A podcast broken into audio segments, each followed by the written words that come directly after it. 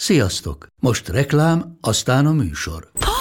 Hú, de szép szőnyeg. Új. Igen, tegnap vettem a Diégóban. Ó, és ez a függöny, de szép. Diégó! És hamarosan lesz új laminált padló a hálóban. Rátszakott a bank. Csak regisztráltam Diégó digitális klubkártyát vásárlás előtt. Csináljunk neked is egyet? Csak egy perc és kész. Regisztrálj te is áruházainkban, vagy a diego.hu oldalon, és azonnal megkapod digitális klubkártyádat, melyel akár 30% kedvezménnyel vásárolhatsz padlóburkolati és lakástextil termékeket. Diego.hu Már meg is kaptam e-mailben. Ez reklám volt, jó volt. hogy az Instagramon pörgetik lányok ezeket a fotókat, ahol ott áll a másik nő kockás hassal, lehetetlenül vékony darásderékkal, akkor a, a, a lány fejében az fogalmazódik meg, hogy basszus, mindent meg fogok tenni, hogy én is így nézzek ki. Pedig annak kéne megfogalmazódnia, hogy basszus, én is meg fogok tanulni photoshopolni. Thank you.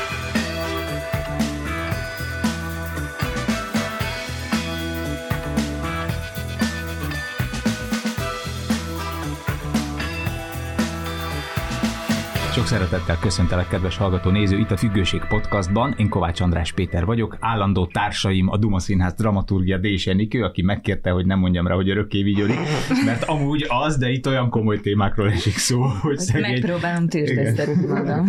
Igen, csak úgy ö, spontán meg mégsem illik bele kacagni komoly témánkba.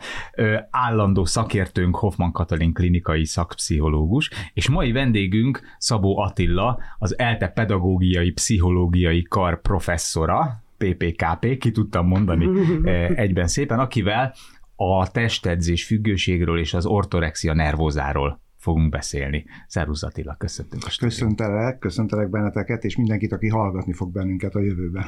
És természetesen Szabó Attila is doktor, ezt eddig egyetlen vendégünknél sem tettük hozzá a vendégek nevéhez, de magától értetődő, mint ahogy én is. Nekem Tehát, még az igazolványomban is benne van a doktor, képzeld.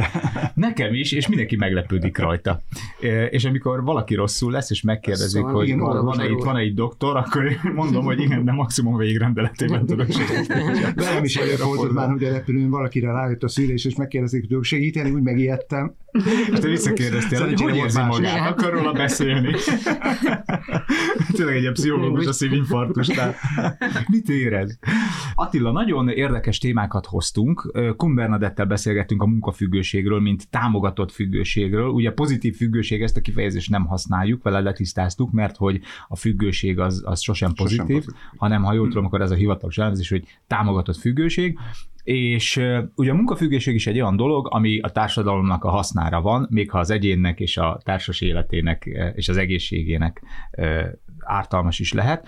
A fitness függőség és az egészséges étkezés, nem tudom én, rögeszméje pedig kifejezetten mondhatnánk hogy egészséges, hiszen pont az egészségről szól, a testmozgásról szól, a, a káros anyagoktól való tartózkodásról, és mégis azt tudjuk mondani, hogy árt a, úgy a, a testnek, mint a szellemnek, úgy az egyénnek, mind a, a, a, körülötte élőknek, vagy a vele való, kap, velük való kapcsolatának. Hol a határ? Tehát akkor kezeljük külön a témát, hogyha lehet. Igen, a közepébe, igaz? Vágjunk bele a közepébe. Hát igen. A határ az nagyon egyszerű. A Mark Griffiths professzor, én kint dolgoztam Nottinghambe, kilenc éven keresztül, és a Griffiths az LT-nek a díszdoktora. Ő a függőségeknek az egyik legnagyobb szakembere a világon elismert, rengeteg publikáció. Ővel mi meghatároztuk, hogy a függőség ott kezdődik, amikor ártunk magunknak, vagy a közvetlen társas környezetnek. Addig még nincsen semmi ártalom, annak ellenére, hogy valaki háromszor edz, vagy négyszer ez naponta, mint például a versenysportolók. Addig nem beszélhetünk függőségről akkor, amikor már elhanyagolom a mindennapi tennivalókat, a munkát, a családot, barátokat, és egy ilyen önálló farkassá válok, és már szinte zugiba, mint a zugivó, egyedül várom a lehetőséget, hogy elmenjek futni, vagy sportolni, vagy tegyük fel, van egy fontos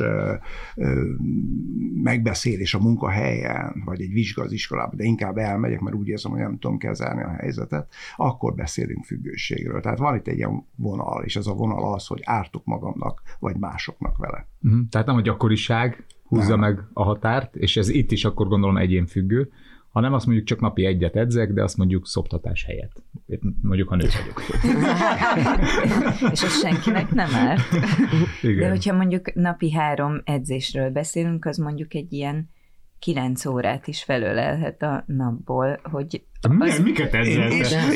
hát mire összepakolok, elmegyek, a sportot magát elvégzem, vagy űzöm, vagy ő engem. Hülyeségekről beszélsz közben a, a teremben. Igen, lezuhanyzás vissza-haza, az tehát az igazából egy... Két ilyen sportolót ismertem, mikor kint tanítottam Angliába, ott volt egy úszó, ő elment reggel úszni, utána hazament, bevágott 5-6 hamburgert, aludt egyet, elment délután megint úszni, hazament, jó nagyot kaját, megint este megint ment edzeni. Nem volt függő, egyszerűen készült az olimpiára.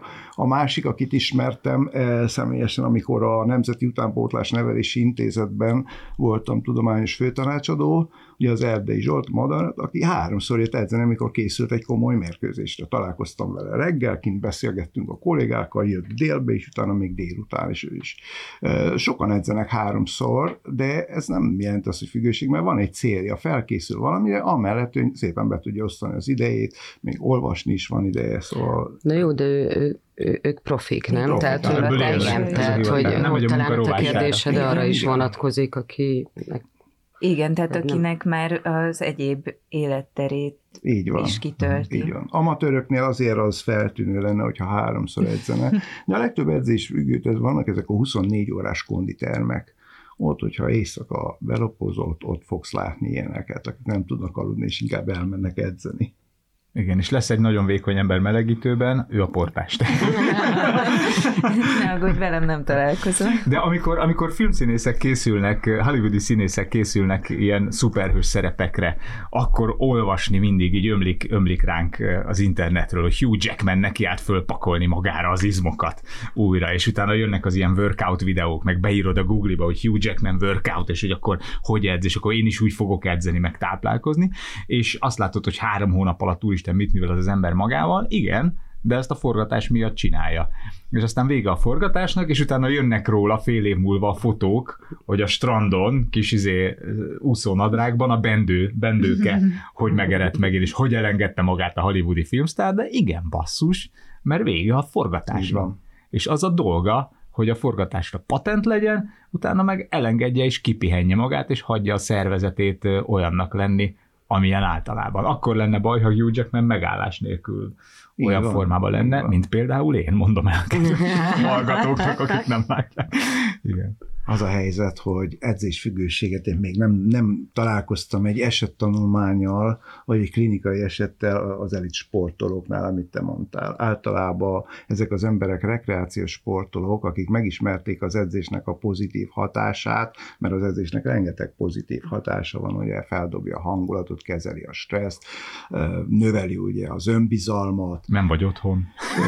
Az is, az is sokszor, igen, igen. Tehát megismerték ezt a hatást, és akkor, amikor az életükben történik valami egy komolyabb, mondjuk majd trauma, vagy mondjuk hosszantartó stressz, amit másképp nem tudnak kezelni, akkor ők ebben menekülnek, de ezek az emberek ám nagyon-nagyon öntudatosak, tehát ők nagyon vigyáznak arra, hogy a szociális presztízs, hogy a társadalmi tekintélyük megmaradjon. Mert nem mindegy, hogyha Szabó professzor ugye részegen dölöngőzve megy a Kazinci utcába, és ezt látják a hallgatók, vagy Szabó professzor felvesz egy sortot, meg egy edzőcucot, és akkor fut az utcán, akkor azt mondják, hogy a Szabó professzor egészséges életet mond, de közben ugyanúgy menekülök én is, mint az, aki bevágja a azt a fél decit, csak annyi, hogy nála hamarabb jön a hatás, én meg egy kicsikét mazokisztikusan kell kínozzam magamat, mire jön a hatás. Igen, ugyanazért az endorfin, meg dopamin, legalább fél órát Igen, kell. van endorfin, van erre most már neurobiológiai. Igen, igen, és ez, e, régen ez, ez, ezt nem tudták biztosra, hanem azt gondolták, hogy azért, mert a perifériába, ugye, ha vért veszek, akkor látják, hogy az endorfin jó az edzés hatására,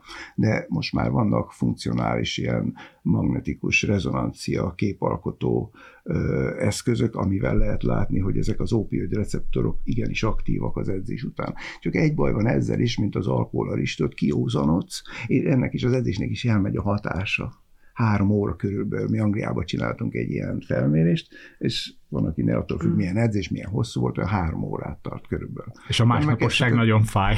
Így szoktam érezni. Na, az csak kezded, de utána már.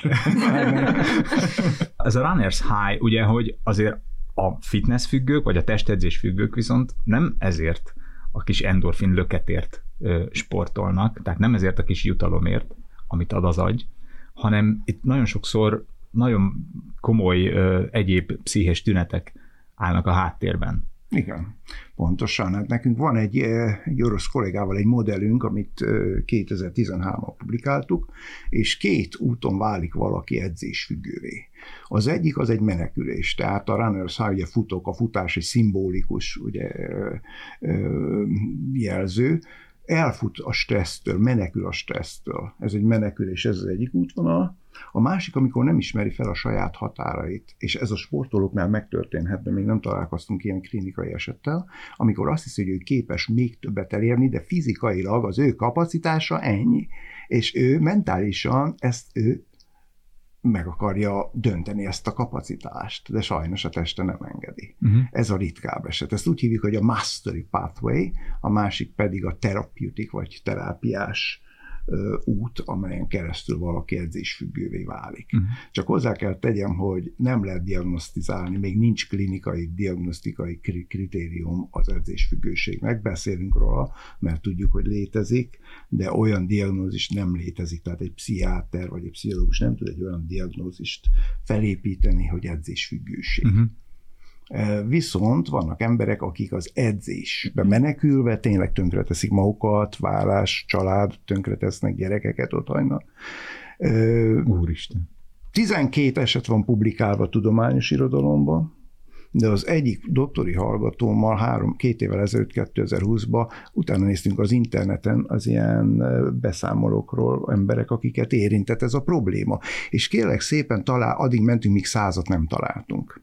És utána megnéztük a kritériumokat, és ezek az emberek mind megfeleltek az edzésfüggőségnek. Publikáltuk is egy nagyon, nagyon neves nemzetközi szakfolyóiratban. Úgyhogy könnyen tudtunk találni százat, lehet, hogyha tovább kutatunk, akár még ezeret is találnánk. Uh-huh. Két dolog jutott az eszembe, az egyik ez a Mastery Pathway, hogy a saját határait úgy ezért túl tudja lépni, hogy egy edzőtől, tehát nem, nem pszichológiai szakembertől hallottam ezt, hogy az edzés, ha elkezdesz edzeni, akkor az az első fél évben, egy évben hihetetlen látványos eredményeket tud adni, megfelelő étrendel kiegészítve. Elképesztően érezhető és látványos az eredmény, és utána tíz évig sem ad olyat. Tehát az első egy évben eljutsz egy olyan szintre, hogy úristen, és utána a maradék tíz év, vagy a következő 20-30, vagy bármennyi arról szól, hogy azt próbálod viszont, meg, látni. viszont látni, vagy megugrani, vagy azt a tempót tartani, de nem tudod, mert, mert a tested az annyit, annyit képes fölvenni, akkor a teljesítményre képes.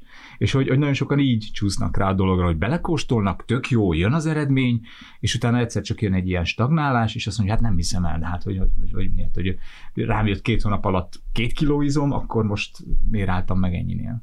Tehát ilyet is hallottam. Igen, ez pontosan így van. Kezdetben a fejlődés rohamos, utána lelassul. Azért van némi fejlődés, de sokkal többet kell és hosszabban kell dolgozni azért a fejlődésért. Na ez a szakasz, amikor nagyon sokan inkább abba hagyják, vagy valami másost kezdenek, és nagyon kevés az, aki makacsul továbbra is kitart, és nyomja, és akkor erősíti az edzést, még többet, még többet, és akkor itt jön közben a különböző szerfogyasztás, ami esetleg kis segítséget nyújt, kis mesterséges beavatkozások, úgyhogy... Itt van a itt... különbség, tehát, hogy mondjuk egy függésre hajlamos ember nem csak úgy viszont látni, de egyre többet akar módosítani a testén, míg egy függőségre nem hajlamos ember a fenntart fenntarthatóságára, tehát az izomzatának a, a fenntarthatóságára appellál, és nem akar még nagyobb izmot, vagy még szálkásabb testet. Hát e, ez, ez nem kimondottan a függőséggel van kapcsolatban, ez inkább a személyiséggel, a személyiségi vonásokkal, uh-huh. meg ugye az élethelyzetével az embernek. Tehát most mondok egy példát, lehet, hogy az egyik, akiről beszélsz, aki fenntartja az izmát, az teljesen normális, kiegyensúlyozott életet él, mondjuk családja, barátnő, barátja van. A másik meg lehet, hogy most egy olyan kapcsolatban, ahol egy versenyszituációba kerül, mert hogy mondjuk a lánynak egy kigyúrt pasia volt előtte, és most akkor ő is telefonálni akar. Tehát vannak élethelyzetek, amelyek kiváltják ezt az emberből. Ez nem jelenti. Szerintem a függőségre mindenki hajlamos, ha csak, ahogy mondtam neked, ha csak nem nincs valami anális fixációt, hogy mindent pontosan szabály szerint kell végezni, és minden csak moderációval lehet. Ha elmész egy vacsorára, maximum másfél decibor nem miatt a második pohár. Ezek az emberek tudják tartani a moderációt, de az emberekben van egy bizonyos, bizonyos hajlam a függőségre, és szerintem mindenkiben benne van. Azért, mert amikor fájdalom ér bennünket, akkor azt szeretnénk valahogy kompenzálni valami jóval. És az, ami jó, akkor az hajlamosak vagyunk, hogy hát még többet adjunk benne magunknak, vagy azért, hogy elteleri a figyelmünket, vagy hogy egy pillanatnyi fájdalomcsillapítóként ö, segítsen azon a szomorú helyzeten, ami kialakult. Általában ezek szomorú helyzetek, és ezért mondom, hogy a függőségek mögött, minden függőség mögött van valami más pszichológiai mhm. probléma. Igen, csak egy gondolat ahhoz, amit mondasz, hogy amit te mondtál, hogy mindenkiben van egy függőségre való hajlam, meg nyilván vannak szerek, amik, amiknek mondjuk magas az addiktív potenciálja, és akkor arra könnyebben rákattanunk, vagy valóban ez a endorfin, ópiát, stb. löketek, azok, azok mind hajlamosítanak erre. De azért, amit itt korábban az egyik adásból beszéltünk, a, a, talán a Petke Zsolta, hogy azért vannak a, a normik, vagy nem is tudom, Igen. hogy mondta, akik meg tudják tenni azt, hogy, hogy tartanak egy Igen. határt, és, és nem feltétlenül ilyen nagyon kényszeresen, hanem, hanem mondjuk meg tudja tenni azt is, hogy iszik, meg azt is, hogy nem, meg meg tudja tenni azt is, hogy edz, de ha jön egy olyan élethelyzet, vagy mondjuk egy sérülés, mert nekem van, van egy több olyan kliensem, aki, aki azért függő, és le van sérülve, de akkor is elmegy edzeni, még ha tudja is, hogy árt magának, tehát én ezt Igen. is egy Igen. ilyen fontos pontnak látom, hogy, hogy be tudom-e látni, hogy ártok magamnak, hogy használok mondjuk azzal az edzéssel, vagy 39 foklázzal nem megyek el edzeni, stb. stb. De a függőknél gyakran azt látjuk, hogy ez nem. Ezt hallottam én is, hogy, a, hogy az a tudat, hogy nem tudsz lemenni edzeni, jobban fáj, mint maga a sérülés. Na most azért, mert az is stressz. Tehát uh-huh. tulajdonképpen én kezelem a stresszt az edzéssel, és ha nem tudok edzeni, nem tudom kezelni a stresszt, de maga az a tudat, ahogy te mondod, hogy nem tudok lemenni edzeni, az fokozza ezt Igen, a stressz helyzetet. Befeszül, És az az egyik tünet, jól mondod, mert ez az egyik tünete, pont most bővítjük ki az egyik ilyen felmérő eszközünket azzal, hogy ha valaki lemegy a sérülések ellenére, vagy mondjuk az orvos azt tanácsolja, hogy most pihenjen, és hogy mégis elmegy edzeni, akkor ott már bizony sejthető, hogy van valami edzésfüggőség. Igen, de visszatérve a, a függőségekre így általánosságban, még az az ember is, akit úgy néz ki, hogy hát minden kontrollban van az életébe, és minden harmóniában van, ha az élethelyzetben egy olyan dolog történik, akkor a valószínűsége, hogy valamihez hozzányúl, nem feltétlenül edzésfüggőséghez, de valami szerhez, vagy akár a munkába menekül, és ez nem tudatosan alakul ki. Az edzésfüggőség se tudatosan, csak azt veszed észre, hogy még több kell, még több kell még jobban érzem magam, hogyha többet csinálok, és akkor jön a tolerancia, jön az a megvonási tünetek, hogyha nem mész edzeni, és amikor rájön, úgy, mint a dohány is tud rájönni, hogy sokat, sokat edz, próbálja egy kicsikét lejjebb vinni, hogy a családjának több időt tudjon szentelni, hogy barátokkal el tudjon menni ide-oda, de utána megint jön a visszaesés, mert egy idő után az, hogy ez nem megy nekem is. Uh-huh dohányosoknál is így van, két hétig nem dohányoznak, és akkor visszaszoknak, és akkor még többet szívnak, mint az előtt. Ráadásul nem is biztos, hogy az eredményért csinálja az edzésfüggő. Ez a legdurvább. Tehát, hogy, hogy lehet, hogy te fölkelsz reggel négykor, ötkor, és úgy érzed, hogy neked futnod kell két órát, vagy tök mindegy mennyit, addig kell futnod, amíg az agyad azt nem mondja, hogy elég. Van, és nem lesz tőle izmosabb lábad nem lesz tőle jobb szíved, sőt lehet, hogy nagyon komoly infarktus veszélynek teszed ki magad, vagy, vagy bárminek. Tehát, hogy, hogy, hogy, hogy nem is feltétlenül lebeghet a szemed előtt olyan jutalom, hogy én ettől jobban fogok kinézni. Igen, az a kielégülési érzés, hogy megcsináltam, azért csinálja legtöbb ez a úgynevezett kötelező edző. Most mondok egy példát, a családban volt mondjuk szívbetegség, és ugye tudás, tudni való, hogy az aerobikus edzéssel a szívbetegség megelőzhető, vagy a fogyása például fél a valaki az elhízást lesz, például az étkezési zavaroknál van anorexia nervóza, bulimia nervóza, hogy annyira félnek az elhízásra, hogy még jobban akar fogyni, kiegészíti a diétát, ugye az edzéselét meg kell tenni. Tehát nem azért csinál csinálja, mert izmosabb akar lenni, hogy te mondod, hanem azért, mert neki ez kötelező, mert ha nem csinálja, akkor valami rossz történik. Ezért mondjuk azt, hogy a függőségek legtöbbször kezdetben ilyen pozitív megerősítés által jelennek meg az ember életébe, jól esik, kellemes, nagyon jó, például az alkohol is ugye kezdetben felszabadít egy kicsikét, ugye, de utána meg kötelezővé válik, mert hogyha nem iszol, vagy nem futsz, vagy nem dolgozol, ha munkafüggőségre mm. visszatérünk, akkor valami rossz történik Igen. az életben, valami kellemetlen történik. Tehát ennek a kellemetlennek az elkerülése, az, ami tulajdonképpen a legnagyobb ösztönző erő a függőségekben. Mhm. Hát igen, vagy akár, hogy mondod az elején, hogy ez a lökés, vagy húzás mechanizmus, és utána a lökés mechanizmus, hogy az elején azért használok, hogy jobban legyek, utána meg már azért, hogy vissza tudjak kerülni a, igen. a normál szintre, vagy üzemelés módra. És azért ebben a társadalom sem segít, mert a, elképesztő nyomás van a felé, hogy jól nézzek ki, pláne nőként. Igen. Ö, és nem, nem engedi, hogy ne csináljam, mert olyan torz mintákat ö, mutat nekem, ami, amire óhatatlanul is rácsúszom, hogy igen, akkor így kell kinéznem, mert egy test így néz ki. Ez egy külső nyomás, tehát hogy arra presszíroz, hogy én így viselkedjem a testemmel, mondjuk háromszor járjak edzeni, ugye, amit meg is teszek, és uh, utána pedig elenged, mert igazából a, a fitness kluboknak a recepcióján senki nem szól, hogy bocsánat, de hogy harmadszorra jössz, hogy ez bár nekünk bevétel, de hogy lehet, hogy nem az egészséges kereteken belül Igen. működsz már. Igen, és hogy már bérlet helyett részvényt fogunk De mondjuk láttam jó példát, hogy valóban Igen, általában nem szól a recepciós, de nem, nem tudom, nekem volt olyan edzőm, aki aki, aki egy idő után szólt, hogy hát szerinte ez ott már az a határ, ami, ami túl sok, de mm. valóban nem ez az általános, de hogy hál' Istennek van egy-egy kivétel is azért. Igen, és, és akkor ehhez jön még hozzá az is, tehát egyrészt nyilván sugal valamit a, a, a média, a reklámok, az élelmiszeripar, a, az influencerek, tehát, hogy amikor látsz, tehát, hogy ez, ez, is, ez is elképesztő, hogy az Instagramon ö, pörgetik ö, lányok ezeket a fotókat, ahol ott áll a másik nő kockás hassal, lehetetlenül vékony darásderékkal, akkor ö, a, a, a lány fejében az fogalmazódik meg, hogy basszus, mindent meg fogok tenni, hogy én is így nézzek ki. Pedig annak kéne megfogalmazódnia, hogy basszus, én is meg fogok tanulni photoshopolni. Ennyire, ennyire bedőlünk a látványnak, ennyire bedőlünk a látványnak, hogy nem nézünk mögé.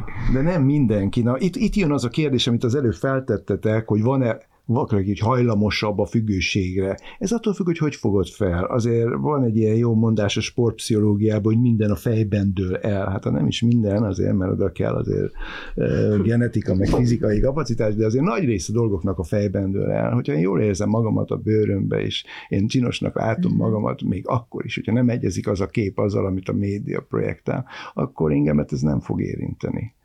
De nagyon a... kevesek tartoznak ide. Hát azért vannak kivételek itt, hmm. és, és, és ők nem feltétlenül ilyen moderáció limitált emberek, akik meg akarják maguknak szabni a határokat feltétlenül, hiszen tényleg jól érzik magukat a bőrükbe is ez az em személyiségtől függ, a sikertől, például mennyire vannak elismerve a környezetbe, ez sok mindentől függ. Itt már azért ez, ez, ez sokat számít. Viszont van, aki tényleg úgy akar kinézni, és nem látja be, hogy az ő teste nem alkalmas arra, uh-huh. hogy ö, olyat faragjon belőle. Ugye például én se leszek balerina. Lehet, hogy fiatalon még lehettem volna egy balett táncos, de a mostani testalkatommal hamarabb leszek egy szumó birkozó, mint, mint egy táncos mondjuk. És ez függ az életkortól? Már nem, nem.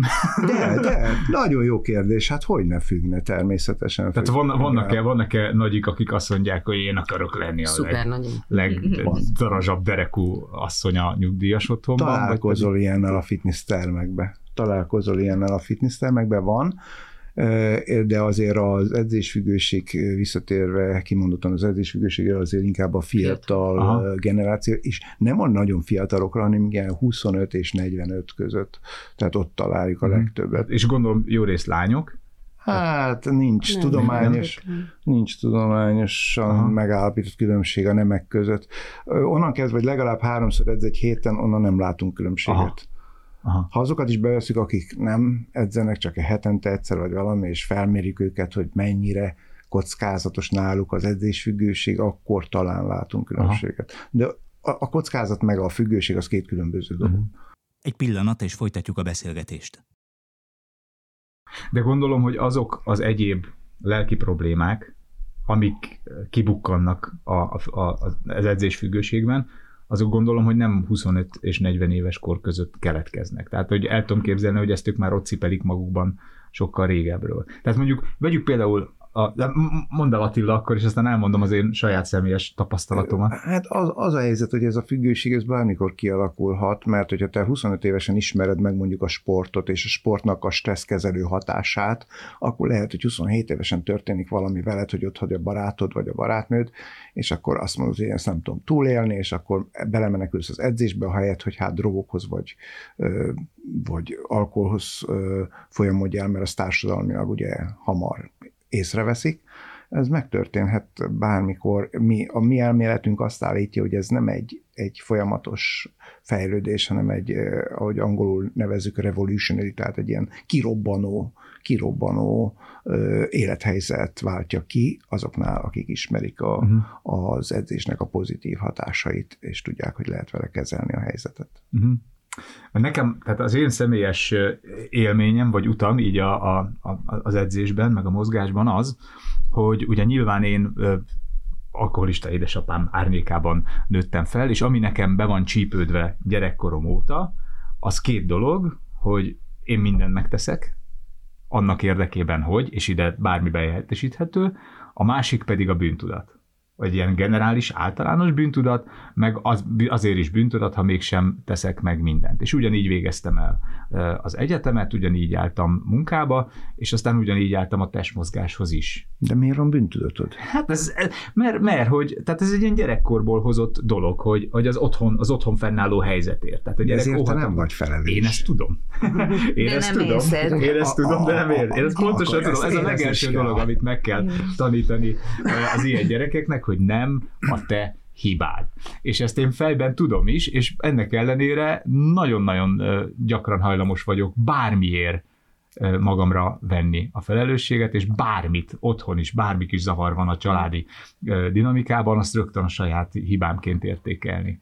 És ugyanígy álltam a, a mozgáshoz is, ami nem feltétlenül azt hozta, hogy nekem, nem tudom én, öröm a, a mozgás, hanem az, hogy ó, basszus, kimaradt egy futás hogy leülök és érzem, hogy kényelmetlen az ülés, meg nyomnak a beleim, meg, meg nem tudom, amit semmi, de hogy, de hogy nekem ez a, ez a személyes utam, hogy aztán amikor vége lett a, a 18 éves korig tartó kötelező testneveléseknek, meg az ember jár edzésre ugye általánosban gimibe, és utána sokan egyetem alatt leállnak, vagy valamit keresnek maguknak, én akkor is egyetem alatt is toltam rendesen tovább, és mindig megelégedéssel töltött el az, hogy na hát kortársaim hol tartanak, és ahhoz képest én milyen jól tartom magam, és nyilván ahogy öregszem, ez a megelégedés, ez, ez egyre nagyobb, akár a kortársaimra, akár pályatársaimra tekintve is, de hogy, de hogy ott van az egész mögött még mindig az az érzés, ami mindennel kapcsolatban, a munkámmal, a családommal, a mindennel kapcsolatban, hogy, hogy nekem meg kell tennem minden,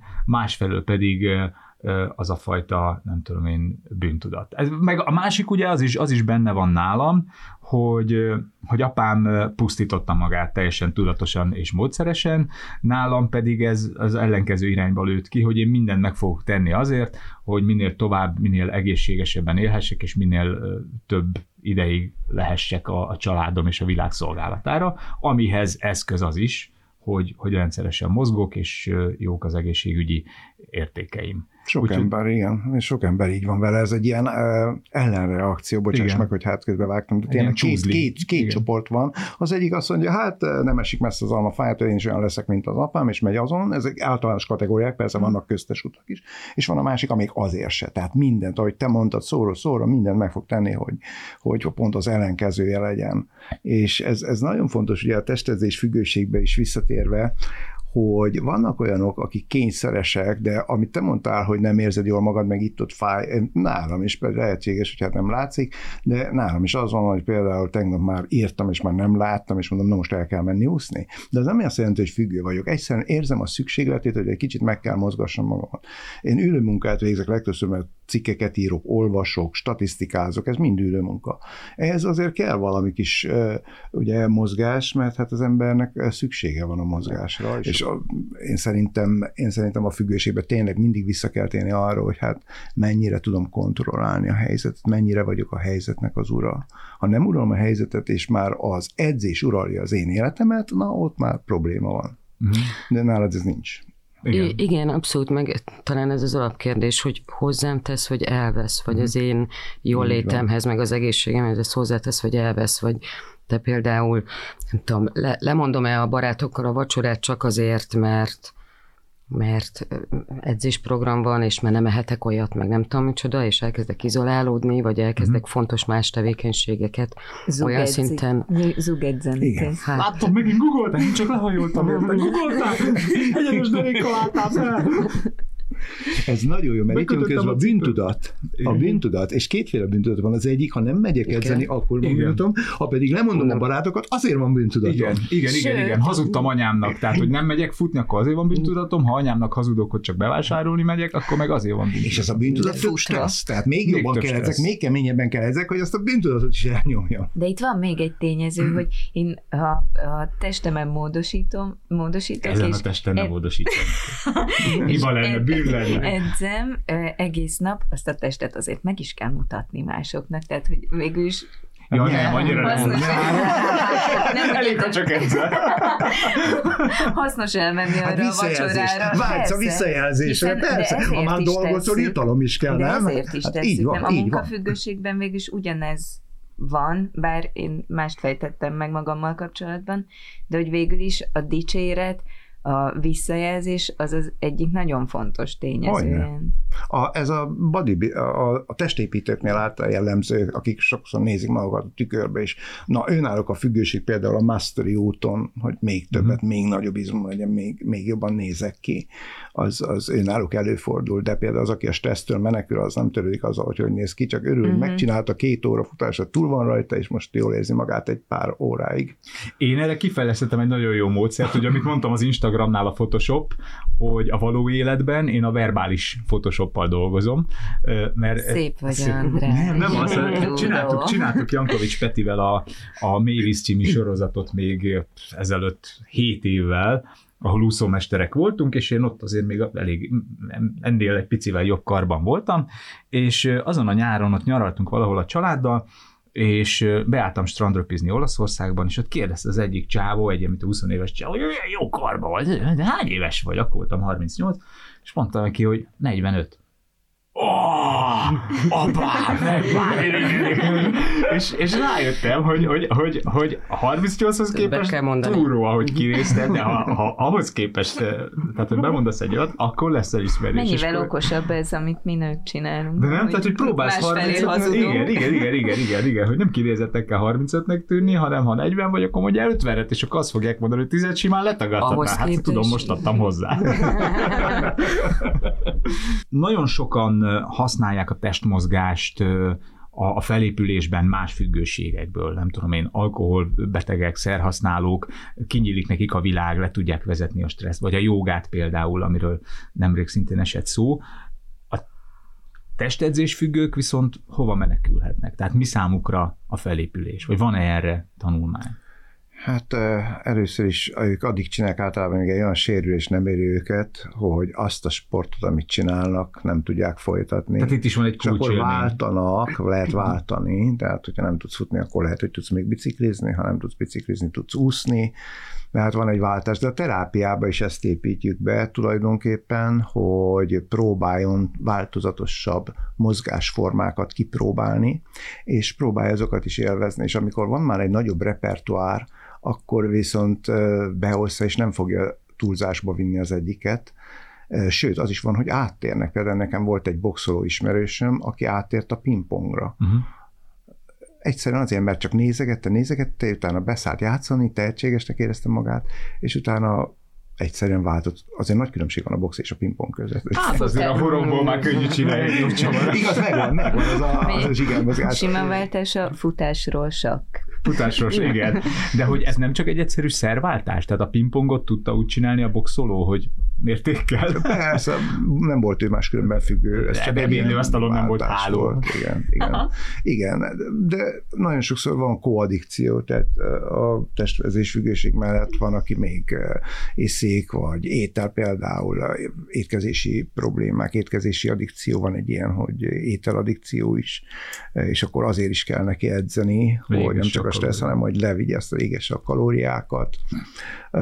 Van olyan, aki edzésfüggő és munkafüggő, szóval mind a kettő lehet de ugyanakkor mi azt vettük észre, volt egy tanulmány egy norvég doktoranduszommal, aki meg azt vette észre, hogy az edzésfüggők inkább az egészséges életmód felé mennek, és például náluk kisebb a dohányzás aránya, mint más függőségekben, mm. és ez az ortorexia is eh, eléggé jól korrelál az edzésfüggőséggel. Tehát lezárni teljesen nem tudjuk, mert az ortorexiába fel fog jönni uh-huh. még, mert van nagyon szoros kapcsolat van a testedzés függőség, meg maga az edzés és az ortorexia között. És ez lesz a következő adásunk témája, az ortorexia vagy teljes nevén ortorexia nervóza, de kimondhatjuk, hogy van teljes felépülés, mert ugye teljesen gyógyult, nem tudom én, alkoholbetegről vagy száraználról nem beszélhetünk, de például a munkafüggőségből van teljes felépülés, Enikő, csak mondom már remi, és ugyanígy a, a testedzés függőségből is?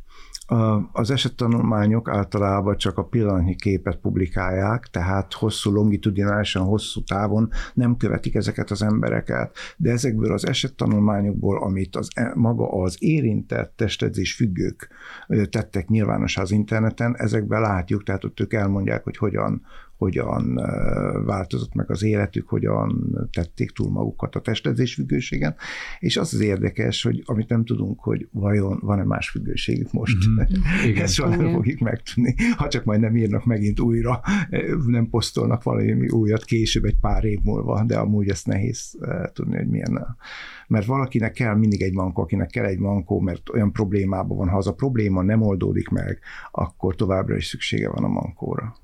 Mm. Hát igen, meg amit beszéltünk korábban, hogy azért a, a viselkedés függőségeknél egy kicsit más a, a definíciója kvázi annak, hogy mi számít már okénak, vagy vissza lehet térni egy kontrollált használatra sokkal jobban. Vagy rekreációs, frizbizem hát, a gyerekkel a margit.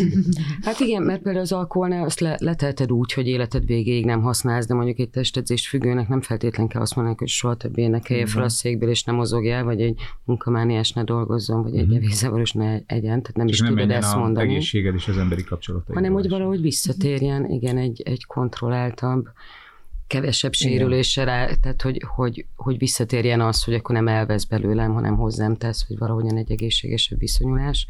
Meg amit itt mondtál az előbb, itt a szerváltás, azt valóban nem, nem látjuk, hogy utána ő át, átáll egy másik fajta függőségre, vagy ezt, vagy valóban teljes felépülés van.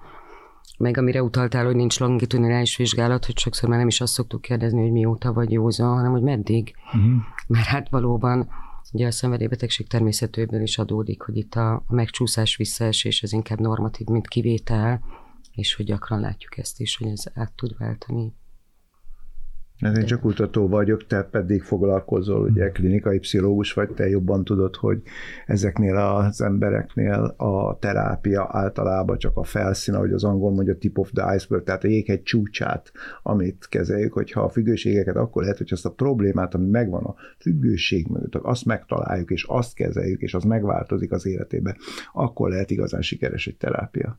Mert azzal, hogy megtanítjuk, hogy moderálja magát, hogy meg stb., hogy esetleg más sportot, azzal még nem biztos, hogy hát megoldódott a probléma.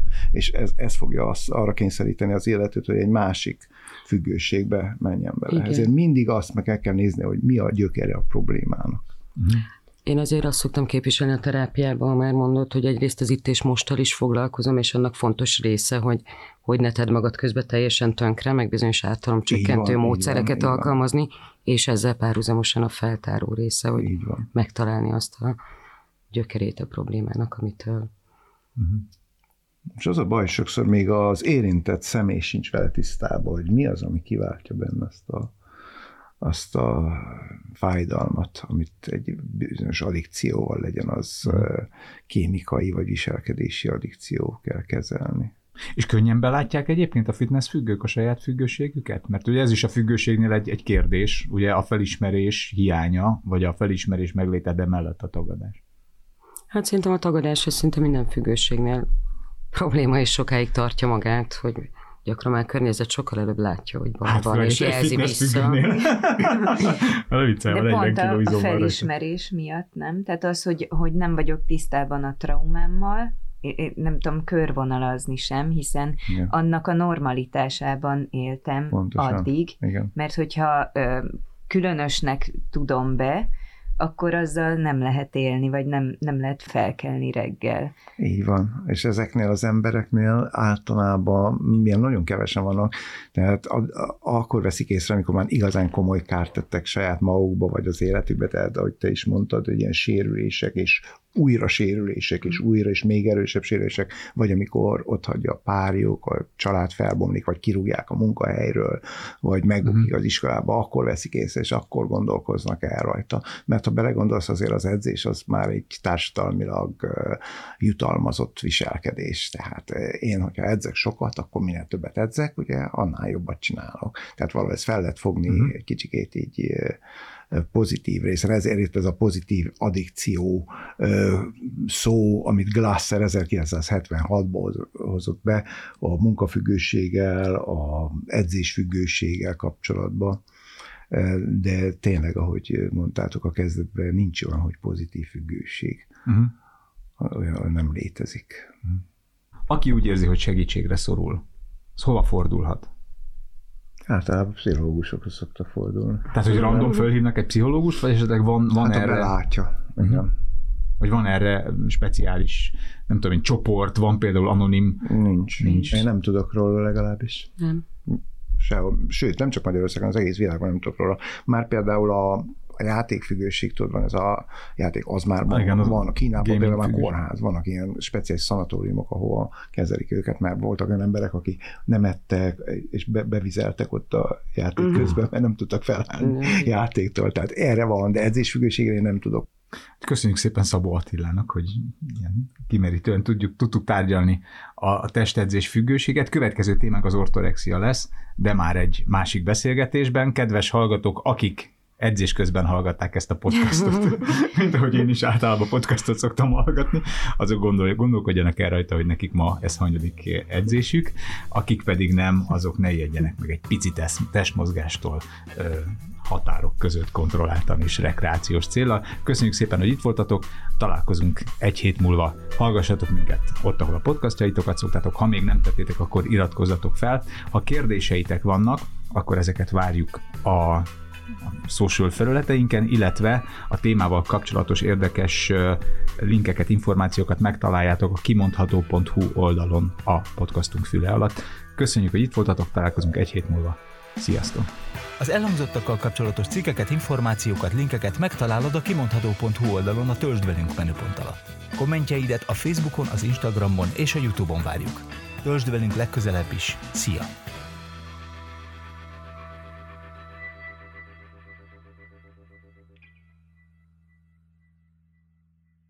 Ha más podcastekre is kíváncsi vagy, hallgassd meg a Béton műsor ajánlóját.